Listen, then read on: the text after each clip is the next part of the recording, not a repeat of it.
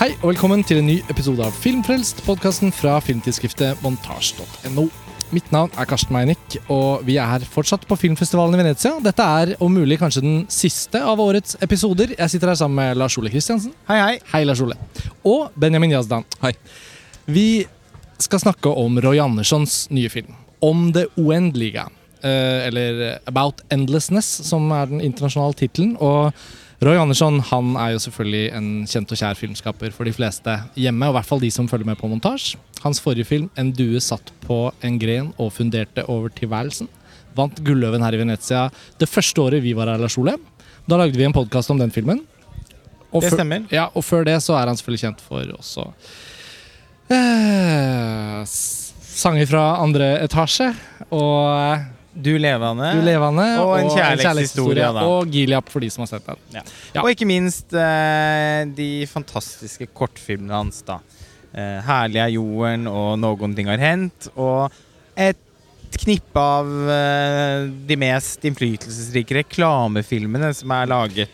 Han har laget flere hundre reklamefilmer Flere hundre, faktisk. Tenk på det. Jeg vet ikke hvorfor jeg fikk så mye tristesse i stemmen når jeg liksom ramset opp karrieren hans, men det har litt å gjøre med at vi også følte at man kunne man kunne kjenne litt sånn at han er en eldre filmskaper nå, eh, her i Venezia. Og filmen er altså, om det uendelige. Det var noe Ja, Ja. det var noe eh, Følte skal du at det var noe avskjedsbrevaktig? Jeg, jeg vet ikke, det er jo ikke noe jeg føler jeg kan si, for det vet jeg ikke. Men vi er jo da frittstående kritikere som har sett filmen, og jeg får noen sånne tanker.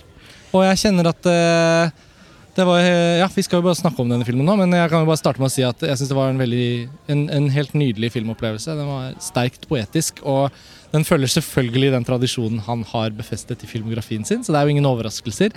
Men det var uh, en veldig sterk opplevelse, så vi får bare liksom snakke oss inn i den. Jeg har tenkt mye på den før vi skulle samles her, og også kjent litt at det er en vanskelig film å begynne å finne de første ordene for. Men jeg vet ikke om dere opplevde det samme, men den har noe litt sånn høst over seg. Ja. Og den, jeg skjønner hva du mener med at det kan oppleves som et slags avskjedsbrev. Altså, den, er, den er elegisk uh, uten å være direkte sentimental. Og det er ikke hans avskjed med filmmediet på noe vis. Nei, ikke direkte, noe- det er ikke det. Nei, jeg syns det var noe veldig fint over at han gjør noe som er veldig karriereoppsummerende, uten å etterleve en sånn selvforelska hang til å skulle oppsummere alle de tematiske trådene og binde alt sammen og levere sånn endelig statement. Uh, for det er, som du også sier, det følger den samme settekasseestetikken. Men den har Kanskje bare lenge siden jeg har sett Roy Andersson, og jeg er også litt ambivalent til han generelt. Men uh, jeg syns nesten ikke bildene har sett mer grånende, triste og ganske sånn for jævlig sosialdemokratiske ut fra ende til annen. Uh, det er sånn Nei. Ikeas endelige underside er på en måte det vi ser nå. Jeg må si meg den, den, er ikke, den er ikke mer rasende politisk eller mer Nei. direkte brennbar. For han befatter seg med teologi, nesten, eller altså gudløshet på en måte her som ikke føles direkte som et hva skal man kunne kalle det, et politisk innlegg. Nei, han har sin slag, egen lille ja. nattverdsgjestene, eller Ja, First. Reform. Ja, Mm. Eh. First Reform, ja. Det har jeg ikke tenkt på før du sa det nå. Nei, det, det var en god parallell, ja. Filmen rommer en liten Det er egentlig For det er en den eneste fortellingen som vi ja, Bortsett fra én til, som er svakere, men som vi følger som en slags føljetong da, gjennom eh, filmen. Den er jo, som de foregående, en slags tegneserie. Eh, bestående av eh, noen tablåer som sammen skaper et bilde av eh, et mislykket eh, svensk sosialdemokrati. Og jeg er enig med Benjamin i at den føles hakket hvitere og gråere og beigere enn de foregående. Eh, sanger fra andre etasje og Du levende har jo mye sånn blålig og grønnaktig lys i seg. Det er helt borte nå. Eh, det var mindre av det i den forrige filmen òg, men den var til gjengjeld varmere. Den enn var de to varmere. Den var mye mer sånn rungende. Ja. Ja. Det husker jeg vi snakket om den gangen. Halta Lottas kro i Göteborg-sekvensen og sånn. Ja. Eh, Også når man ser det i Italia, så blir jo da humoren ekstra forsterket. Fordi Ja da, italienerne er så glad i å le. De er veldig glad i å le, og de lo godt uh, denne gangen òg. Og det gjorde jo vi òg, da. Bare så det er sagt. Fordi på sitt uh, morsomste er jo filmen uh, til å dette stolen av. Den, det første sånn klassiske Andersson-tablået i filmen, eh, det er jo da bare et eh, aldrende par som sitter på en benk og ser utover noe som ligner Stockholm. Og de sitter veldig lenge uten å vek- utveksle et eneste ord med hverandre, før den ene av de sier Det er redan september. Og det er det. Da lo jeg. En, altså, da var vi på en måte i gang. Fordi den, den surheten eh, i, i den scenen Apropos elegisk, da. Ja, men nesten sånn Det er, begyn- det er allerede begynnelsen på høsten. Ja, men på samme måte som hos Mm. Kjell Askelsen, Ja. så er bitterheten så utstudert Mm. at, at den også blir komisk, da. Mm, Her er blir noen? Her har noen sittet og tenkt hvordan kan vi uttrykke en følelse av at noe nærmer seg slutten på en så sur og, og liksom sånn eh, svartsinnet måte som, og, sliten måte. ikke sant? Det er livsmetthet her Mm. som, ikke til å, som, som ikke er til å ta feil av, og som framkaller en, eh, en humorist en, en, en, Altså, responsen er jo at man, man ler, og sånn er det jo Mm. flere ganger i løpet av filmen. Filmen inneholder noen av de aller morsomste scenene, syns jeg. Men også noen av de mest eh, Noen av de sørgeligste og mest sånn underlig rørende tablåene Andersson har lagd. Ja, for er, ja, er, jeg syns også livsmett er en god beskrivelse. For i tidligere filmer, sånn, også den du satt på en gren og funderte over tilværelsen, som jeg syns er litt oppskrytt. Jeg synes den blir for det første for lang. Jeg takler Andersson best når han er veldig destillert. Derfor mener jeg fortsatt at den eh, herlige jorden, eller deilige jorden, er den beste filmen han har laget. Fordi Mm. der får jeg han Ja. servert en sånn kondensert pakke som blir mye mer kraftfullt. Eh, Det blir ikke så utvanna over x antall sånn settekassetablåer. settekastetablåer. Men livsmett fordi det også slo meg her at jo da det er en sånn tematisk rød tråd, og det er sosialdemokratiets underside, og det er konformitet osv. Han drøfter de samme tematikkene. Men til en viss grad så er det ribba for kontekst, flere av scenene. Eh, Det dreier seg i mange tilfeller om menn som forsøker å nå ut og kommunisere med verden, eh, men møter en sånn total hinne av eh, stillhet. Eh, Det er ingen adressat. Og da begynner Andersson å ligne på Beckett. Og da blir det absurdistisk og morsomt og nesten sånn gråtkvalt trist. På samme måte som Beckett kan være det på sitt aller fineste. Tenk f.eks. På, den, eh, på det tablået hvor eh, det er en Hvor fortellerstemmen, eh, som går gjennom hele filmen Som er en litt sånn gudelignende voiceover. For. Ja, Også 'Tusen og en natt'-aktig foreldreinstans. ja og 'Tusen og en natt' var jo hoved... Det var jo det, altså, Filmen ble eh, først presentert som for flere år siden, i forbindelse med lanseringen av 'En duva satt på en gren og funderte over tilvåren', så ble hans neste prosjekt presentert som en adaptasjon av 'Tusen og natt'. Ja, ikke sant? Eh, det gikk Ja, de ble vel ikke Ja. helt sånn, men eh, Men eh, denne fortellerstemmen, som er en kvinne, eh, sier 'Jeg så en mann som' Eller 'Jeg så en kvinne som' Og på et eller annet tidspunkt så så hun en mann som ønsket å redde familiens ære, Mm. og så angret etterpå. Ja. Og så er det et bilde av en far eh, som har stukket eh, en kniv inn i hjertet på datteren sin, som er full av blod. Og så sitter han der på gulvet med henne i fanget og kniven i sin hånd og gråter.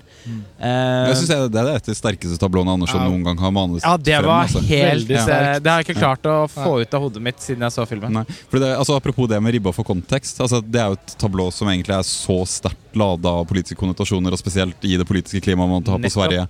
eh, Uansett om det gjelder høyre- eller venstresida. Ja. Uh, så det er en type sånn konfrontasjon som ligger i det bildet, eh, som Ja, altså Det viker litt fra liksom den øvrige måten Andersson har hatt eh, Eller brukt for å utsi noe politisk gjennom. Da. Altså Han konfronterer, eller forsøker å drøfte hvorvidt det går an å redusere noe så grusomt, eller altså en så forferdelig enkelthendelse, ned til en sånn, sånn eksistensielt minimum, på, Det på et det, vis. og det er jo hele hans bildefilosofi. Mm. Går jo ut på det. altså Når man har lest eh, boken hans, eh, 'Vår Mm. tids redsel for alvor', Som er veldig god. Som er helt fantastisk. Og den eh, handler jo nettopp om viktigheten av bilder. Altså han, han er jo veldig opptatt av at bilder ikke bare skal være altså Det skal ikke være fyllmasse. Det skal ikke være eh, brosteiner på en vei man skal gå. Bildet, hvert eneste bilde skal være kraftfullt. Fordi eh, hvis, vi, hvis et bilde rommer nok, da, så blir vi sittende og se på det. Og i, og, og, og så vil det vekke noen erkjennelser i oss. Det er selvfølgelig også en litt sånn Jeg deler ikke nødvendigvis Roy Anderssons bildesyn, Idealistisk er det. ikke Det er sant? det, Helt klart. Og, og jeg, men jeg er fascinert av det, og jeg Mm. syns virkelig han klarer å leve opp til det da i en sånn scene som det. Ja. Fordi der klarer han å fange alt i én enkelt situasjon i Mm. ett bilde. Mm. Og vi trenger ikke å si noe mer. Det er heller ikke sånn at vi trenger å sitte og ha en debatt om hva det bildet rommet. Nei. For vi skjønner, vi, Ja. vi skjønner det. Mm. Mm. Eh, Og det er mange flere detaljer i bildet enn det vi har beskrevet. Og det er noe med at han klarer å i ett bilde egentlig fange opp hele dramatikken i situasjonen nå. Jeg- Jeg ble så slått av hvordan eh, den stuen hvor faren sitter på sofaen med sin døde datter blødende i hjel i hendene, med kniven, eller ja, fanget med kniven i hånden. Der er også teppet og stuebordet Ja, ja. forskjøvet Ja. seg på tvers av gulvet og Mm. foldet seg opp Mm. fordi det har vært en eh, eh, dramatisk konfrontasjon. Eh, alt det dramatiske er på en måte over, Mm. men vi kan lese det av i, i liksom hvordan objektene i stuen har forflyttet seg. Og så har man de andre familiemedlemmene som litt sånn De er også fortapt i situasjonen, for de har ikke kunnet gjøre noe. Og de har Mm. kanskje støttet faren, og de er også kanskje fulle av anger og Mm. sorg. Det er bare så, det er så ladet, men det er også så enkelt. Mm. Det er, er erindringsfrysbildet, ja, nettopp. egentlig, på sett og vis. Ja. Ja. det, er, det er imponerende. Altså, Så filmen har, og den har flere ting som jeg også syns er, er veldig sterkt. Uh, apropos det Benjamin sa i stad, så er det jo den er jo beundringsverdig kort i spilletid. 76 minutter. 76 minutter. Helt perfekt lengde. Ja, altså når den var ferdig, så sa jeg til Lars Ole at nå fikk han til den virkelig det som han ofte sier sånn herre Leave them wanting more. Mm. Altså Jeg kunne gjerne fått mer, men jeg er også veldig glad for at den bare sluttet. Og så var det sånn Og som jeg gikk ut på sånn innpust. Sånn, ja, men, Ja, men jeg lengtet etter filmen med en gang den var ferdig. mm, Og det er jo selvfølgelig helt eh, Det er jo egentlig helt optimalt da, Ja. å, å få til det. Og det, det kan jeg også ha som en innvending mot En duva satt på en gren. eh, At den tross alt da var litt for lang. Selv om jeg også likte den veldig veldig godt. Så, eh, så, så, så hadde den noen Det var noen partier der som gjorde at man kjente på en viss tresmak. Da. Og sånn er det. det. Det betyr ikke at alle scenene er like gode denne gangen heller, men hans for fortellerstil eh, Den legger jo ikke opp til at alt skal Altså, fordi hver og en tilskuer vil jo også nødvendigvis da ha litt ulike preferanser. Ikke sant? Så sånn, Mm. Det er veldig Det er bli, det er som å lese Larssons gale verden, på en måte. Et, et nummer kan være helt fantastisk, Ah. men det vil jo aldri være sånn at alle de fire rutene på én side eh, slår deg helt på den samme måten. Mm. Men her er det jo faktisk eh, Altså, her har hun jo lyktes med at det ikke er noe som varer for lenge, eller som Eller et par dårlige ideer som får for mye plass. Det er ikke noe sånt uh, denne gangen, da. Nei, og så syns jeg også de hva skal man si, individuelle tegneseriestripene står mye bedre til hverandre fordi de jeg vet ikke, er, Han tvinger ikke frem noen sånn kjempeeksplisitt speiling. Eh, Det skal ikke være helt klart tydelig artikulerte speilmotiver mellom de ulike, eh, ulike karakterene eller mikrosituasjonene som utspiller seg. Men jeg fester meg f.eks. ved Det er også en sånn form for bekmørk humor han alltid har drevet litt med. Men nå kommer det igjen da til en av de siste scenene her i filmen. Det er jo ikke en spoiler engang, men et av tablåene er da Hitler i bunkersen eh, i sine siste dager i Berlin, eh, som går inn. Og så slo det meg at han forsøker ikke å si noe endegyldig om fascismens tilbakekomst i Europa. Men det slo også at Hitler i den scenen ser ut som en hvilken som helst annen av de stutte, eh, tykkfallende sosialdemokratene til Roy Andersson. Og, og selvfølgelig, da kan man begynne å lese det inn og tenke at jo, han har brukt en hel karriere på å skildre hva skal man si, massesuggesjon eller konformitet inni et sånn skandinavisk idealist, eh, idealsamfunn. Eh, og så bruker han Hitler som et bilde på at enhver kultur også har sin underside, og det er det barbariet lidelsen er bygget på. Det er den sånn type tese han alltid har fremført. Men den er, den, er så, den er ikke så presserende på den måten, så han lar det kollektiv skyld eller skambegrepet han, er jo har opptatt, han er jo også veldig opptatt av her at eh, mennesker ønsker å bli Altså, mennesker søker trøst og anerkjennelse, Mm. men er ikke i stand til å gi det selv. Nei, og Altså, sånn som Andersen han- sier da at Ja, kan man på si, Hvis man leser det i forlengelsen av Lars von Trier, så kan man si at Roy Andersson sier at Lars von Trier sier at også Hitler trenger trøst. mm, mm. Jo, men og jeg, jeg tenkte på han eh, rollefiguren i filmen som eh, som, er, som går forbi en gammel ja, klasse, ikke kamerat, da. Men, Perker Jonsson eller noe sånt, Ja, heter han. som, som han da har kommet i skade Sverker. Sverker er. Sverker. Sverker, Som han har kommet i skade for å fornærme veldig på et eh, tidspunkt. Mm. Og som nå ikke vil møte hans blikk, da. Og så eh, Vi får se han i hva er det, to eller tre scener, hvor han i den siste da legger for dagen at eh, Én ting er nå at den Sverker ikke vil møte blikket hans og på en måte gi han en slags sånn Ja. eh, skyldsforlat... Altså at han ikke eh, vil tilgi han, da. For, for den fornærmelsen som Fra, fra ungdommen eller barndommen. Ikke sant?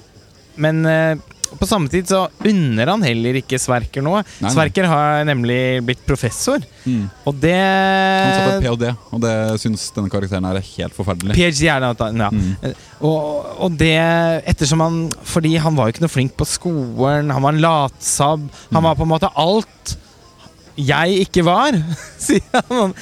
Eh, så det sitter Så det er den derre der motsetningen i at liksom På en måte så ønsker man selv å bli tilgitt og sett og anerkjent. Eh, men selv er man så man, er man ikke stor nok da til å kunne glede seg over andres lykke.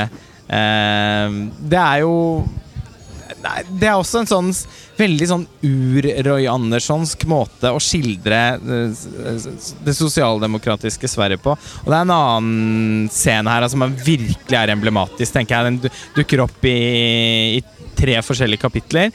Med var eh, i forbindelse det var, det var den jeg tenkte på når jeg trakk inn da First Reformed og nattverdsgjestene i stad. For Ja. det er jo da en prest som har mistet gudstroen, og som oppsøker psykolog. Og den samtalen han har med den med ytterst livsmette, pragmatiske psykologen, er jo kanskje det aller morsomste i hele filmen. Eh, og når de da På et eller annet tidspunkt så kommer da denne presten tilbake igjen til, uh, til uh, psykologens kontor for uh, fordi han virker Altså den eksistensielle krisen hans har virkelig slått ut i full blomst. Og han Hva skal man gjøre man har tappa sin tro?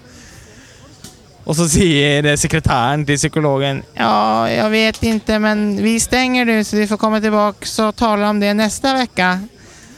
Nei, men jeg måste nu! Hva skal vi gjøre når man mister sin tro? Og så sier psykologen, som da også låser seg ut fra kontoret Ja, nei, men du får komme tilbake neste uke, for jeg må, måste hinne bussen.